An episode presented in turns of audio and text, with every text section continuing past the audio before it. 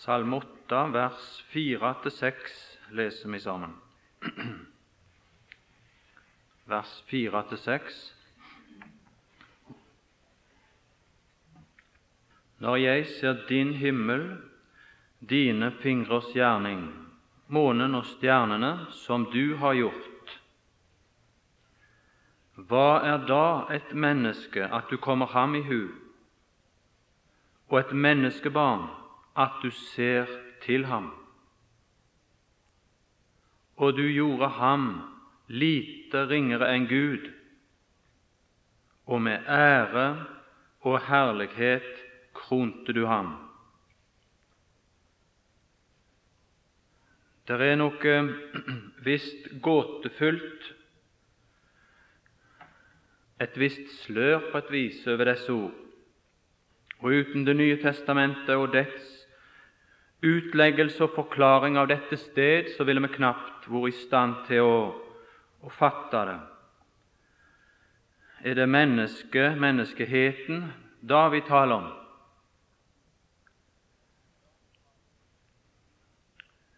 Ikke bare er det så ubetydelig nå, mennesket, i, i lys av himmelens storhet, som eh, det fjerde vers forteller. Ikke bare svake og uverdige, men til like syndig og fallen er denne menneskehet.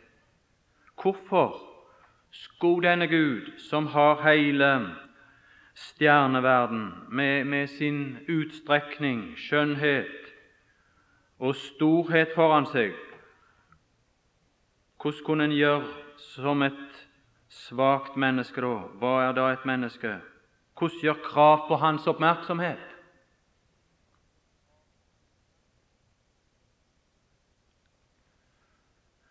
Hvorfor skulle han vende sine tanker til mennesket? Og spesielt og det følger videre her i salmen. Hvorfor skulle Gud ære mennesket ved å gi det denne plass og denne stilling i herredømmet? Hvis vi går ned og ser bare fra vers 7 og nedover, så ser vi at det kommer et sitat fra skapelsesberetningen. Og vi kunne spørre har ingenting skjedd? Har ingenting skjedd? Har mennesket rett på den stilling av herredømme og herskerposisjon som de da og der ble innsatt i? Eller har mennesket tapt den og vist seg totalt uskikka som fallen? På vei bort, ikke bare utvist fra hagen, men bannlyst fra det skaperverk som de var satt inn i, ved at de ved døden går bort moralsk upassende til å arve den del som de var satt inn i. Hva er da et menneske? Hva krav har en slik på å bli huska av deg, Gud? Hva er det som berettiger denne interesse som er åpenbar i disse vers? Hva er det som berettiger dette fra Guds side, når vi stiller det hele i dette lys? Hvorfor kunne han ikke heller skape seg en ny verden hvis han hadde behov for noen? Hvorfor denne underlige interesse i mennesket? Det er sterke ord, de som er brukt der i vers 5. Kommer ham i hu. Det er sterke ord ser til ham. Det svært sterke ord. Skulle vi bare tatt og lest et par Kommer ham i hu. Du kan tenke på Første Mosebok 8,1. Bare lese det, så kan du få et tilskudd til å, å tenke på hvor, hvor, sterkt dette uttrykket er. For jeg tror at det, det, det er noe av det undringen ligger i denne salmen denne interesse som Gud har vist i mennesket. Det står der, første Mosebok 8,1, du kan det, da kom Gud Noah i hu. Flere plasser utover er det brukt. Vi kan ta et med det samme i Første Mosebok 21 for, for det andre uttrykket. Og Det brukes ved helt spesielle anledninger og er et sterkt uttrykk for det om det er kort. 21. Og Herren så til Sara som han hadde sagt. Så til Sara som han hadde sagt. Og du vet hva det innbefatter.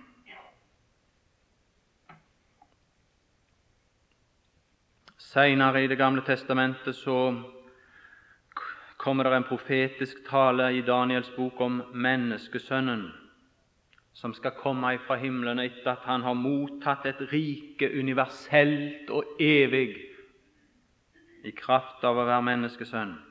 Og her kan vi si i Salme 8, om en på en mer gåtefull måte, så får vi et visst kjennskap til grunnvollen for dette riket. Og her kommer altså Kristus inn og er løsningen på denne gåte, og som berettiger den interesse, og som rettferdiggjør denne Guds glede i mennesket.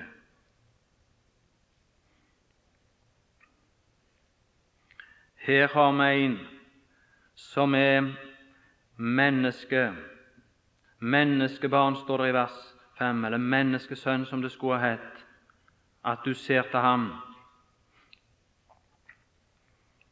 Her er en vidunderlig tanke, synes jeg for min del, når vi nå skal snart vende oss til hebreerbrevet og se det der, at Kristus er det fulle uttrykk for og den fulle rettferdiggjørelse av denne Guds uendelige interesse og glede som Han har åpenbart i mennesket. Spørsmålet i vers 5 får et svar i vers 6, og vi skal se hvem det, det er når vi kommer til hebreerbrevet. Vi har allerede nevnt det, selvfølgelig. Hvem det er som berettiger den interesse hos Gud. Og du gjorde ham lite ringere. Det er Han som er, som er løsningen. Når Gud gjenoppretter, eller når Gud tar i ferde med noe som er fallent, så, så gjenoppretter Han aldri det som er forfeila, egentlig.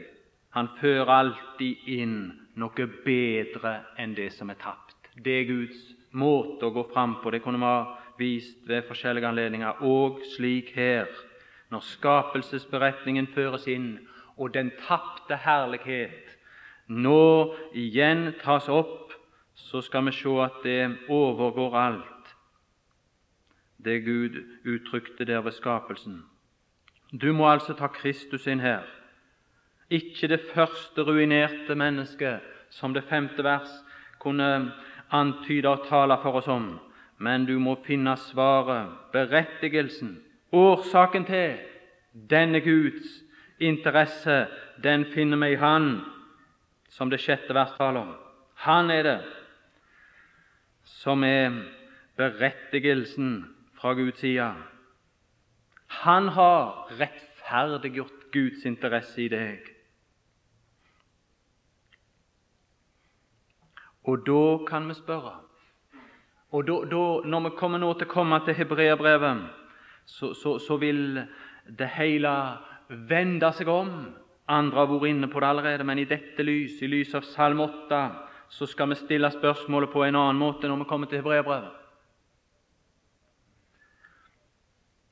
Her er det altså en som har kommet ringere enn Gud, han som var Gud, som forblei det han var når han ble det vi er, når han kom som et menneske.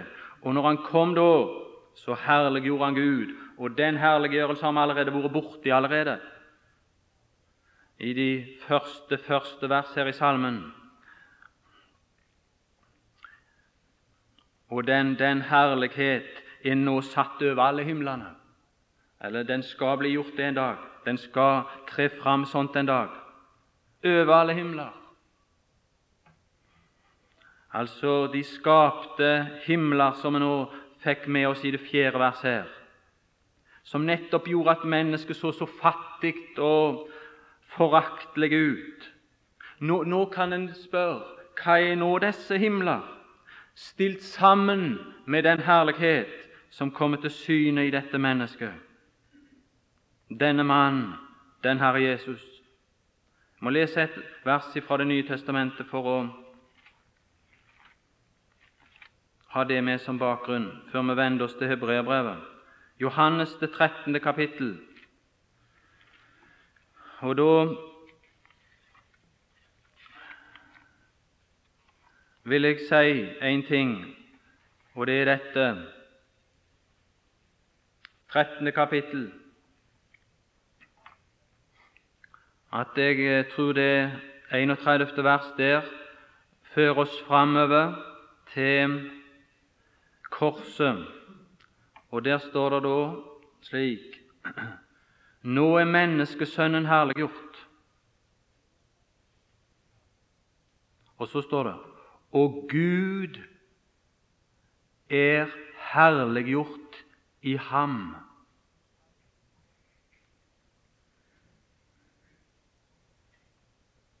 Og Tanken da i denne, som jeg nå trekker ut av disse vers, det er dette én, én mann, ett menneske, har gjort Gud til sin skyldner. Nå er menneskesønnen herliggjort, og Gud er herliggjort i ham. Kan Gud la det stå ubesvart?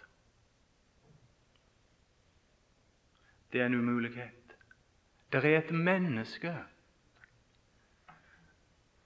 en som ikke var det opprinnelig, men en som er blitt gjort ringere enn Gud, eller engler, som det kommer til å stå når vi leser det i Hebreabrevet.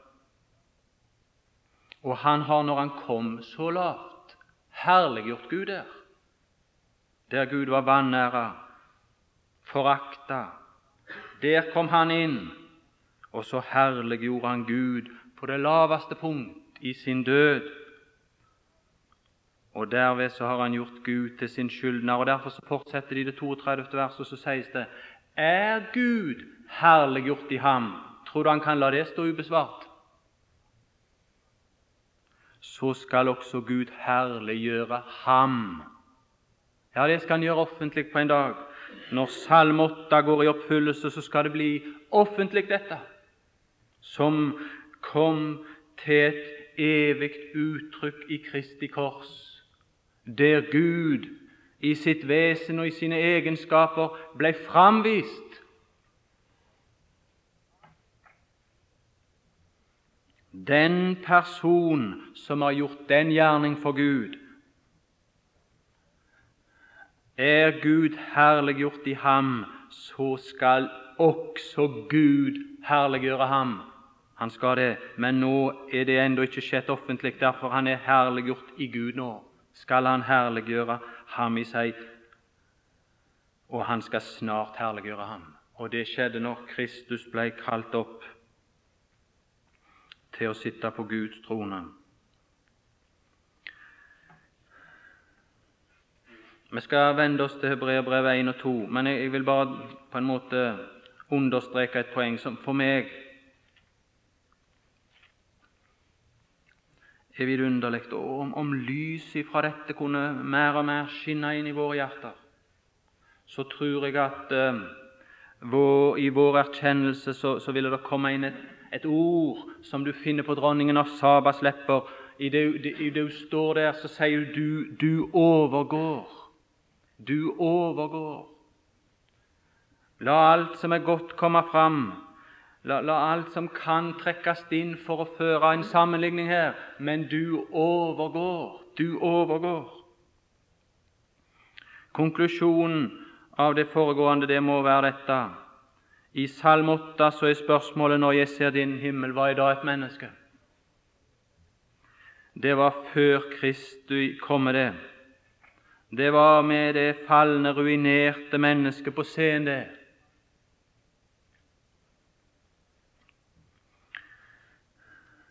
Hvorledes kan Gud se til det? Svaret fant vi at det var ikke det falne mennesket Gud var opptatt med, men det var en fullstendig annen, en som har herliggjort han, og hvis herlighet overgår alt annet, sånn at i lys av Hebreerbrevet kapittel 1 så kan vi spørre Når jeg nå, slik Hebreerbrevet åpner himmelen for oss og sier 'Se der', der er et menneske. Der på Guds trone, der er et menneske. Så kan vi spørre hva er så himmelen? Nei, da er det, da er det ingenting å regne for i sammenligning med det mennesket som Gud har plassert der. Han overgår det alt, han overstråler det alt. Og Hebreerbrevet sier jo her i det tiende vers og utover de skal få gå, de himler synes nå usle. De skal få gå, men du, du blir. Og at, at lyset fra Han som nå sitter der, som snart skal komme Men hebreerbrevet på en måte understreker for oss Kristi nåværende plass med Hans embete og stilling der, og at lyset fra det kunne komme inn i våre hjerter overstråle alt annet som måtte være herlig. Et lys klarere enn solens var det som strålte om Paulus. Jeg skal prøve å lese dette sitatet fra Salme 8 da, i Hebreerbrevet 1 og 2. Men jeg, jeg vil for at liksom skal, de skal komme i den, det rette lys her som det er stilt i, og at det skal tale med den styrke som sammenhengen legger inn i disse ord. Så, så begynner vi litt i kapittel 1 og tar med en to-tre ting der. Og så er hensikten i resten av tida nå å, komme seg ut til kapittel 2.10 i Hebreabrevet, uten at jeg skal, jeg skal bare berøre enkelte punkter. Jeg tror vi kan si at eh, Hebreabrevet har av oppgave å føre troende jøder ut til den Herre Jesus.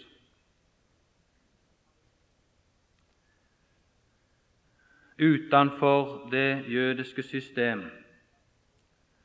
Og Dermed så søker apostelen å utfolde for disse troende virkeligheten av de former og og ting som de hadde i jødedommen. Sannheten om Kristi person, om hans verk, om hans embeter, om hans stilling i dag, og på den måten knytta deres hjerter og sinn til himmelen, der han nå sitter, og gjør det lett for dem, ja, endog gjør det slik at de var lykkelige ved å forlate den gamle pakt og se den forsvinne. Og hvordan kunne de gjøre det? Jo, ved at de så at det var ikke noe tap. De måtte få et slik syn at det var ikke noe tap om de lot det gå alt sammen. For Han, Han som de går ut til, han er så mye bedre enn alt sammen. La oss begynne litt i, i vers 1.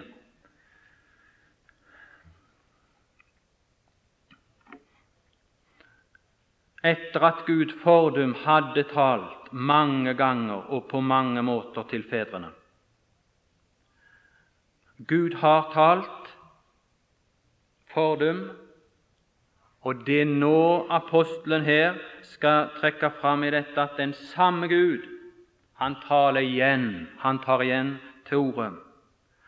Og han vil for all del si dette, at det er ingen motsigelse mellom den tale som Gud gjorde gjennom profetene til fedrene, og den tale som nå kommer i Sønnen.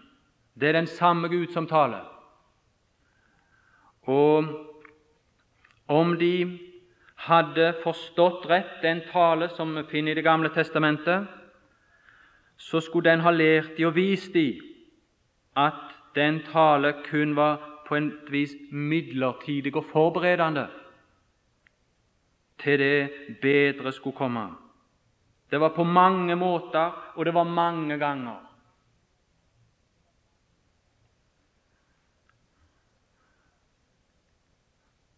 Alt var med andre ord ikke sagt. Men nå har Gud talt igjen. Og nå er det i disse siste dager. Gud hadde talt i noen dager før, kunne du si. Og så nå er han kommet til avslutningen i disse siste dager. Nå er det kommet til et klimaks. Da nådde nådd et klimaks i Guds tale her. Nå er det en gang og for alltid den avsluttende, endegyldige tale i denne forstand. Og da har han talt ikke gjennom en, sånn som profetene, en som var annerledes enn Gud, en som var forskjellig fra Gud, en som var ringere enn Gud. Men nå har Gud talt i egen person. Og det er denne fullkomne åpenbarelse gjennom og i Sønnen som nå er gjenstand for, for det apostelen vil understreke. De skulle nemlig ha forventa i Det gamle testamentet, og de gjorde det òg, at det ved Hans komme, ved Messias komme, så skulle det komme en fullkommen åpenbarelse og at det i Det gamle testamentet skulle ha undervist i og lært i at det var, det var bruddstykkevis og foregripende. Bare se i Johannes 4, 25 for eksempel.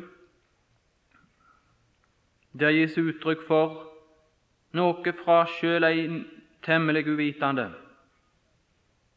Men Herren bortviser ikke det. Det, det. det var en sann slutning, det.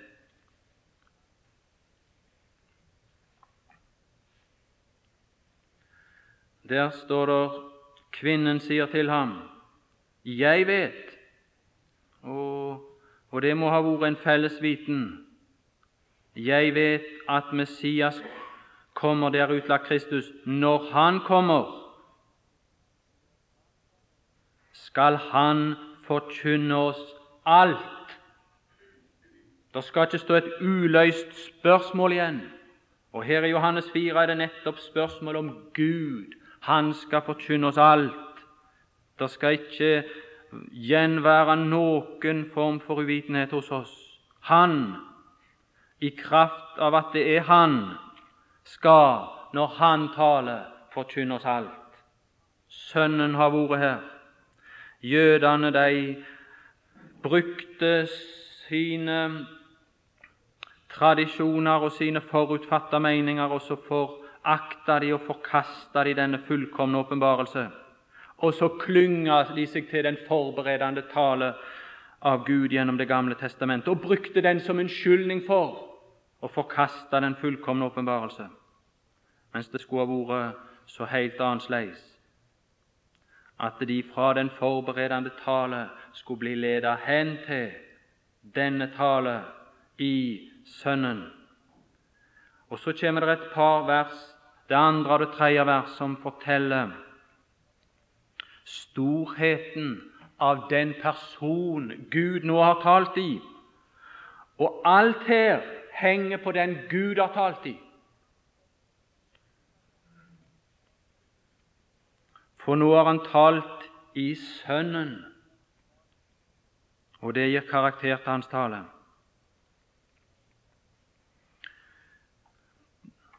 Sønnen, sto det i vers 1, som han har satt til arving over alle ting. Kristus vil en dag arve og ta i besittelse det som han en dag ved sin kraft frambrakte. Han skal en dag arve det. Han som han har satt til arving over alle ting. Og jeg vil, vil, du skal merke deg det ordet 'alle ting'. Vi kommer tilbake til det i kapittel 2. Han skal arve alle ting, ved hvem han òg har gjort verden, han som har skapt det. Ved sin allmakts kraft, han skal en dag innta det. Og begge deler skal han gjøre med en stor hensikt for øye, og det er å fylle det alt med Guds herlighet. Vers 3. Han som er avglansen av Hans herlighet. Han skal ta det i besittelse, han som kom den vei ned. For der å åpenbare Guds herlighet. Han skal en dag når han sitter over alle ting, la den herlighet gjennom sin person stråle ut til et univers som skal bestråles av hans person. Han skal være sol i det kommende herlighetens vidunderlige rike. Det skal finne en fullkommen framvisning i Han.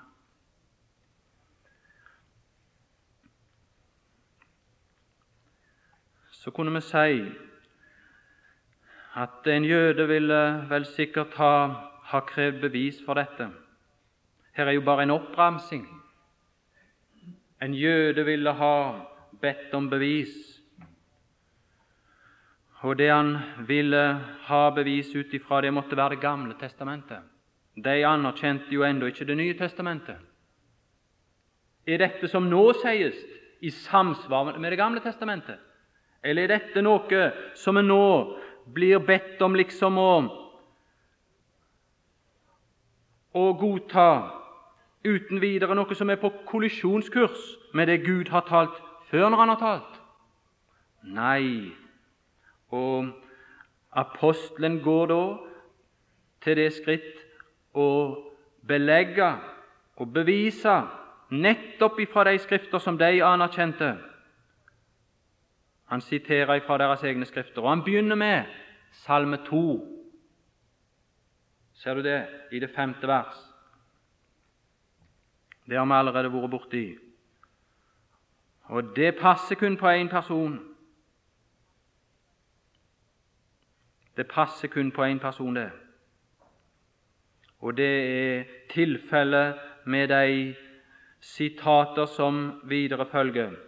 Det er kun én som eh, disse i sin eh, fulle styrke kan tale om. Og han er, han er nå kommet. Han som er, ble et menneske, men som samtidig var Gud. Så kommer vi fram til det trettende vers. Og vi kan spørre arvingen, ja, men hvor er arvingen nå? Hvor er arvingen nå?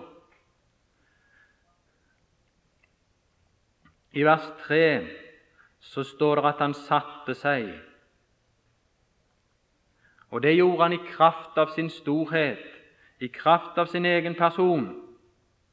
Der var det ikke Gud som opphøyde han, men der satte han seg i kraft av sin person, sin guddomsperson. Så tok han sin plass der etter at hans verk var fullendt. Det var hans rettmessige plass å sitte der. Det var hans rettmessige plass. Men når vi kommer til det 13. vers, så sjås det hele fra en annen synsvinkel, og der heter det slik Men til hvem av englene har han noen tid sagt:" Sett deg ved min høyre hånd. Nå er det Gud som opphøyer han til å innta den plass som han ifølge vers 3 har satt seg på i kraft av sin person. Her er han opphøya som Guds Messias til å innta den plass. Og vi husker Salme 110, for det var en underlig ting. Hvis du leser Salme 109, så vil du finne at han var jo forkasta. Det har vi sett Salme 2 tale om. Han var jo forkasta, men han var likevel den Guds utpekte mann. Og så sier liksom Gud i Salme 110.: Du er forkasta her, ja vel, kom opp og sitt her. Inntil fiendene en dag skal legges til skammel for dine føtter. Sett deg her, jeg har reservert en plass for deg. Han er blitt forkasta, og den forkastelse har etterlatt et, et avgjørende, endelig brudd med verden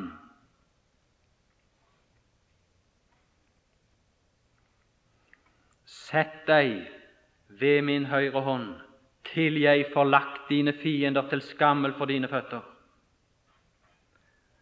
Og, og, og kommentaren foran dette sitatet er denne Men til hvem av englene har han noen tid sagt? Han har ikke talt slik som i Salme 110 til annet enn én person. Det er konklusjonen her i Hebreerbrevet ved slutten av kapittelet. Til hvem av englene har han noen tid sagt? Han har ikke sagt det til noen utenom til én. Sjøl engler, når de har gjort sin gjerning, får aldri et slikt ord fra Herren sett deg. Det er nesten et, et ord som er, som er brukt om englene, som karakteriserer de, det er det som Gabriel sa. Jeg er Gabriel, som står for Guds åsyn rede til å utføre den tjeneste som måtte bli pålagt meg. Jeg står her beredvillig. Når jeg har utført et oppdrag, jeg stiller meg inn, og jeg står der. Det er englenes plassering. Ingen av dem har noen gang hørt denne tale. Sett deg. Men det var én, og det er bare én, som den allmektige har denne interesse for å, å ville se til hans interesser og ville bøye seg for han og, og plassere fotskammelen for han. Den allmektige har ikke tatt opp den tjenesten for noen annen enn én, en eneste en. Og det var han han satte på tronen, plasserte der. Men det er kun en mellomplass han har inntatt.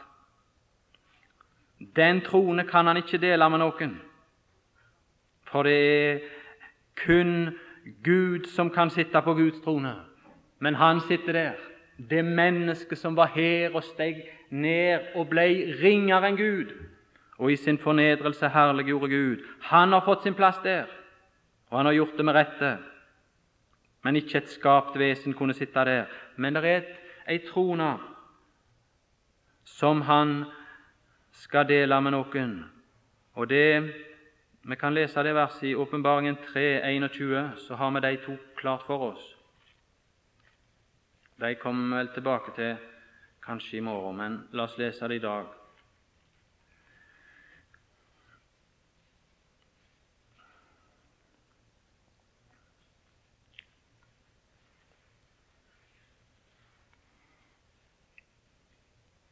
Åpenbaringen 21. Den som seirer, ham vil jeg gi å sitte med meg på min trone. Den har han ennå ikke inntatt. Like som jeg òg har seiret og satt meg med min Fader på hans trone. Der sitter han nå. Og det er det vers 13 taler om. Men kapittel 1 taler òg om ei annen trone som han forbinder medbrødre til. Se i det åttende vers i samme kapittel her i Hebreabrevet 1, altså. Din trone, Gud, står i all evighet, og rettvishets kongestav er ditt rikes kongestav.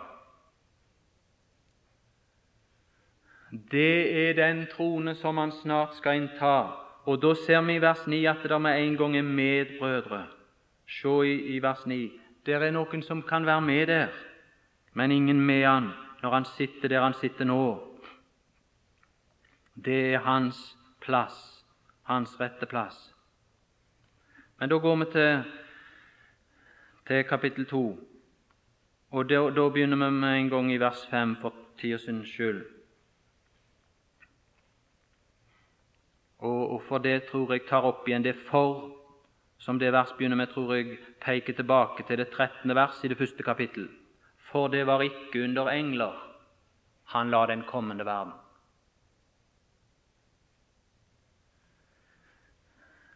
Det var ikke under engler han la den kommende verden.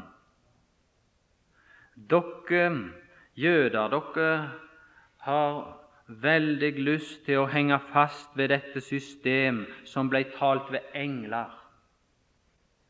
Dette med loven som ble gitt ved engler Dere har helst lyst til å knytte dere til det systemet.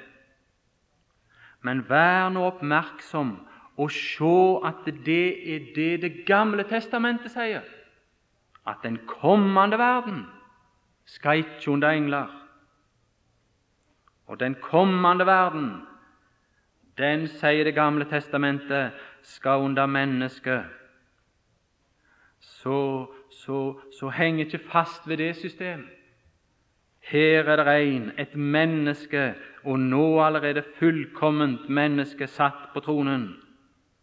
Og det mennesket skal innta den kommende verden, som vi taler om. Som vi taler om.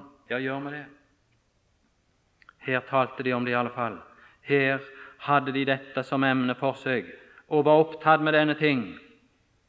Den kommende verden. Det er talt om i det første kapittel, og nå kommer det igjen, og nå kommer det igjen i forbindelse med dette sitat for oss ifra salmen, som skal bevise at det ikke er under engler, men det er under mennesker. Eller under mennesket. Under mennesket. Den Herre Jesus. Men som vi skal se nå i denne La meg si det med det samme jeg husker på det at når han nå sitter der i denne litt underlige tid, etter at han er forkasta, opphøya ved Guds høyre hånd, så går det en tid, og hva, hva er det nå han gjør? Jo, han samler inn medarvingene. Det mennesket Kristus Jesus som har berettiget Guds interesse i, rettferdiggjort Guds glede i mennesket, og som har gjort at Gud nå har plassert mennesket over den kommende verden. Og det er det Kristus som er arving til, har vi lest i kapittel 1. Men se i det 14. verset i kapittel 1 før vi går nå til det 6. verset i kapittel 2. Hva står der? På slutten av verset så står det 'som skal arve frelse'. For deres skyld som skal arve frelse. Her er noen andre òg som skal arve. Sønnen skal arve alle ting. Men her er noen som skal arve frelse. Vi har innsnevra det begrepet altfor mye. Hva slags frelse er det her tale om? Se kapittel 2 vers 5. Så stor en frelse La nå i alle fall den frelse være stor som det taler om å arve her. Den er meget stor. Og jeg tror for min del at det er den samme som dekkes ved uttrykket 'den kommende verden'. For han sier jo, i det han har referert til den store frelse, så ser han for det var ikke under engler han la den kommende verden, som vi taler om. Her er noen som skal arve med Han den kommende verden. Og jeg og du hører til disse. Og Så siteres da Salme 8, og vi har vært inne på det sjette vers der. Du gjorde ham lite ringere enn englene. Du gjorde ham lite ringere enn englene.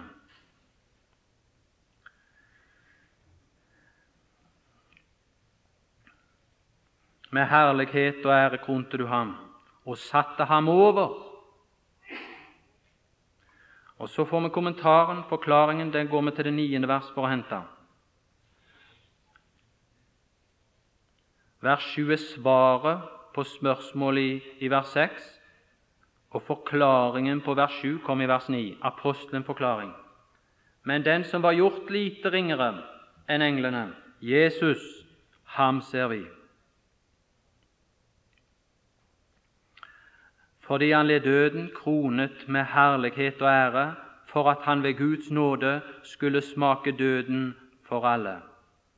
Jeg tar med det tiende vers òg, for det er begrunnelsen der. For det sømmet seg for ham For det sømmet seg for ham. Jødene følte en grusom vanære med tanke på Kristi lidelser, korset.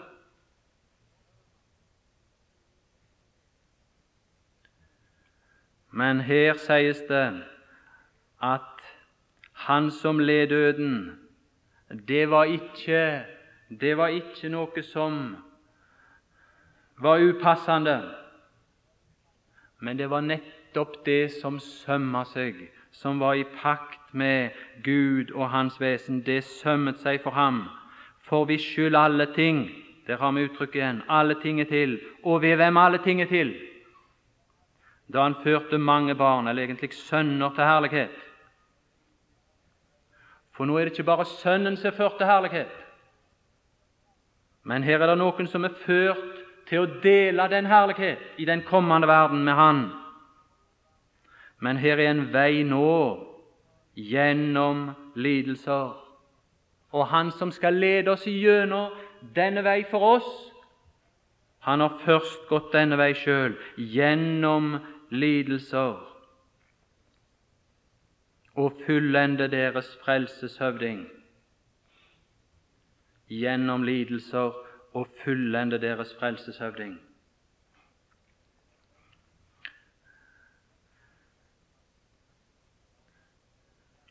Adam ble satt til et herredømme over skapelsen, men han bukka snart unna for det ondes makt, som trengte seg inn.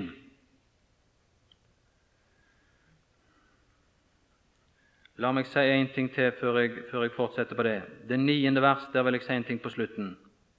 Det tenkte jeg skulle ha med her. Der står det 'for alle' i vår oversettelse. 'Skulle smake døden for alle'. Nå er jeg enig i at det kan oversettes for alle, men det kan òg oversettes med 'for alt'. For alt. Og jeg tror for min del at det er det som ligger i sammenhengen her. Men det, det må du gjerne være uenig med meg om, for det, det kan oversettes for alle. Men jeg synes her at det av sammenhengen går fram at det er dette vide, omfattende aspekt av Kristi død som er understreket. Han er stilt i sammen med alle ting her. Og gjennom hans død så har han lagt en grunn i forløsningen for å ta alle ting opp og gjøre krav på det på den grunn. For det var nemlig slik som jeg sa, Adam han ble satt til herredømme. Det onde kom inn. Og før Hans rike kan grunnes i denne verden, så må disse spørsmål løses, og de må løses på en fullkommen måte. Etter at det som skapelsen har talt om, er bederva, så må, så må det spørsmålet tas opp. Og den som skal styre der, herske der, innta der, han må være kvalifisert til det. Og det er denne. Se i kapittel 1 igjen og vers ja, Vi kan lese opp vers 8 opp igjen og, vers 9. Der står det om hans trone når, når riket skal grunnlegges. Og tronens grunnvoll, det vet vi, det er alltid rettferdighet. Og så står det om denne, da, i det niende vers. Du elsket rettferd og hatet urett. Her er en som har kvalifisert seg til å være Guds fullkomne administrator, til å herske og administrere så det sømmer seg for Gud, så det passer for Gud. Og den Herre Jesus, han vet vi, han elsker rettferd så mye at han gikk inn under Guds rettferdige dom for å hevde Guds rettferdighet. og han hata urett i den grad at han, han gikk inn under det hele for å bortta urett. Og han har trygga Guds trone, og han har hevda Guds rettferdighet. Og han er den som er den rette mann til å administrere den kommende verden. Han har vist seg moralsk skikka og passe og har alle ting i sine hender.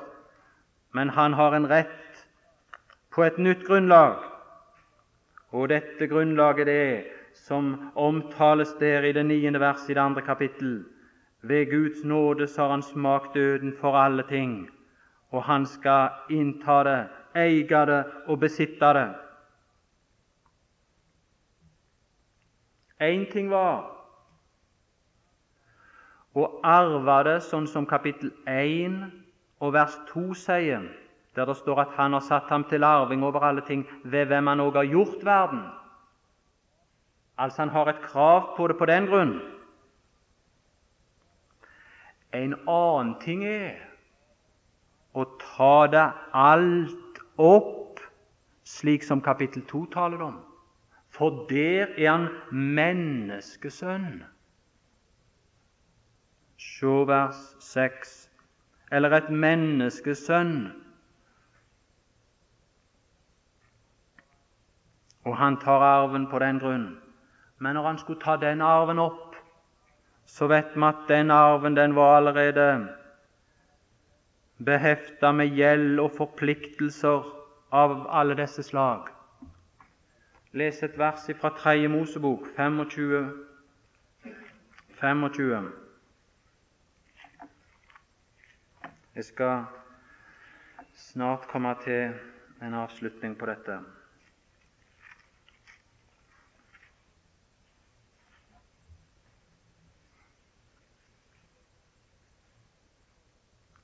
Der står det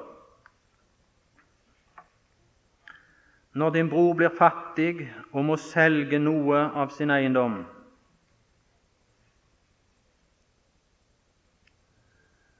Tenk nå på mennesket innsatt ved skapelsen. Tenk litt videre enn en den, den uh, begrensa ting innenfor Israels landemerker nå. Tenk på prinsippet i dette vers. Og jeg, jeg, tror det er rett å kunne anvende det slik, for profeten Esaias anvender det om nasjonen Israel, borte fra landet, bortvist fra landet. Herren skal gjenløse dem og sette dem inn i det igjen. Men jeg tror Det nye testamentet tar dette vers og sannheten i dette vers opp i en enda videre sammenheng. Skaperverket. Det er kommet noe inn som har gjort at mennesket er bannlyst fra skaperverket. Døden har kommet inn og vist at mennesket er upassende til å være her. Da skal hans løser, hans nærmeste frende, den Herre Jesus, han ble gjort ringere enn Gud. Han kom ned som et menneske i kjøtt og blod for å bli sine brødre lik. Hvorfor? For å forløse brødrene, ja. Herlige sannhet. Men du, han har smakt døden for alt. For å løskjøpe hele skapelsen som synden hadde vansira og ødelagt så han kunne føre dette inn på en herligere måte gjennom sin forløsning. Og det er det han har gjort. Og det er det som er den herlige sannhet som, som hebreerbrevet fører oss inn i, og som den gir oss et glimt av og ber oss om å ha øynene oppe for og leve i lys av, mens dette ennå ikke i sin fulle bredde er oppfylt dette som salmen taler om. Han sitter der fremdeles. Han er, han er gjort ringere. enn englene eller en Gud. Det er et skritt. Han er allerede kront med herlighet og ære. Garantien for den fulle og endelige oppfyllelse av dette, det er så sikkert. Og grunnlaget for det er så lagt. For oss er det nå gjerne en lidelsens vei å gå gjennom, og det taler jo hebreerbrevet en god del om. Jeg skal ikke komme inn på det. Håkon har eh, allerede ledet oss mye inn i disse ting. Gud bringe oss til herlighet, til den plass der vi skal dele dette med Han gjennom en vei i lidelser.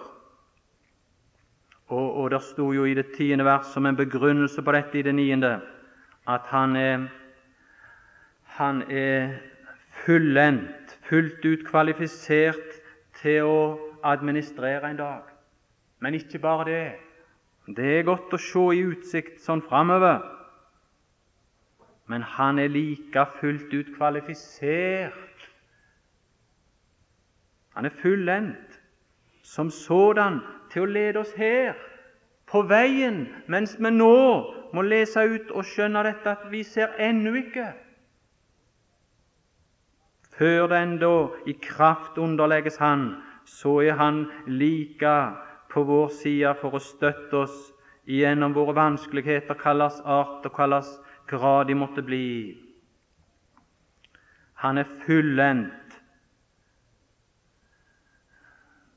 gjennom lidelser.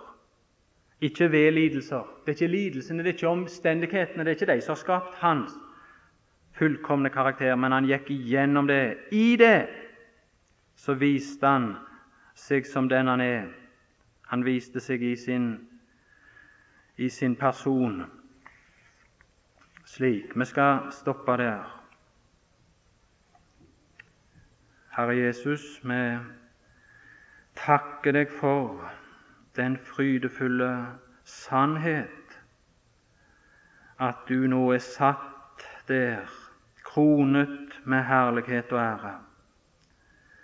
Og jeg ber om at summen av dette som jeg eh, har lagt fram for disse i det vi i fellesskap har lest et ord, måtte være at, at den erkjennelse vaks sterkere og klarere for hver og en av oss ettersom dagene går, dette som ble sagt av dronningen av Saba, du overgår. Herre Jesus, det, det ber vi om kunne bli slik, og så at lyset av den kommende dag, grunnlaget som er lagt for det, utsiktene som du bretter ut for oss her i en viss mål, kunne anspore oss og gi oss litt mot og retning på vår ferd nå når veien går gjennom et, et terreng som er vanskelig en lidelsens vei. Men vi vil takke deg for at du òg der, Herre Jesus, er kvalifisert til å komme oss til hjelp i det du er det fullkomne eksempelet på den som har gjennomgått dette av alle slag. Det trøster oss og oppmuntrer oss sterkt. Støtt oss og styrk oss videre i, i timene utover dagen. Det ber vi om i ditt navn. Amen.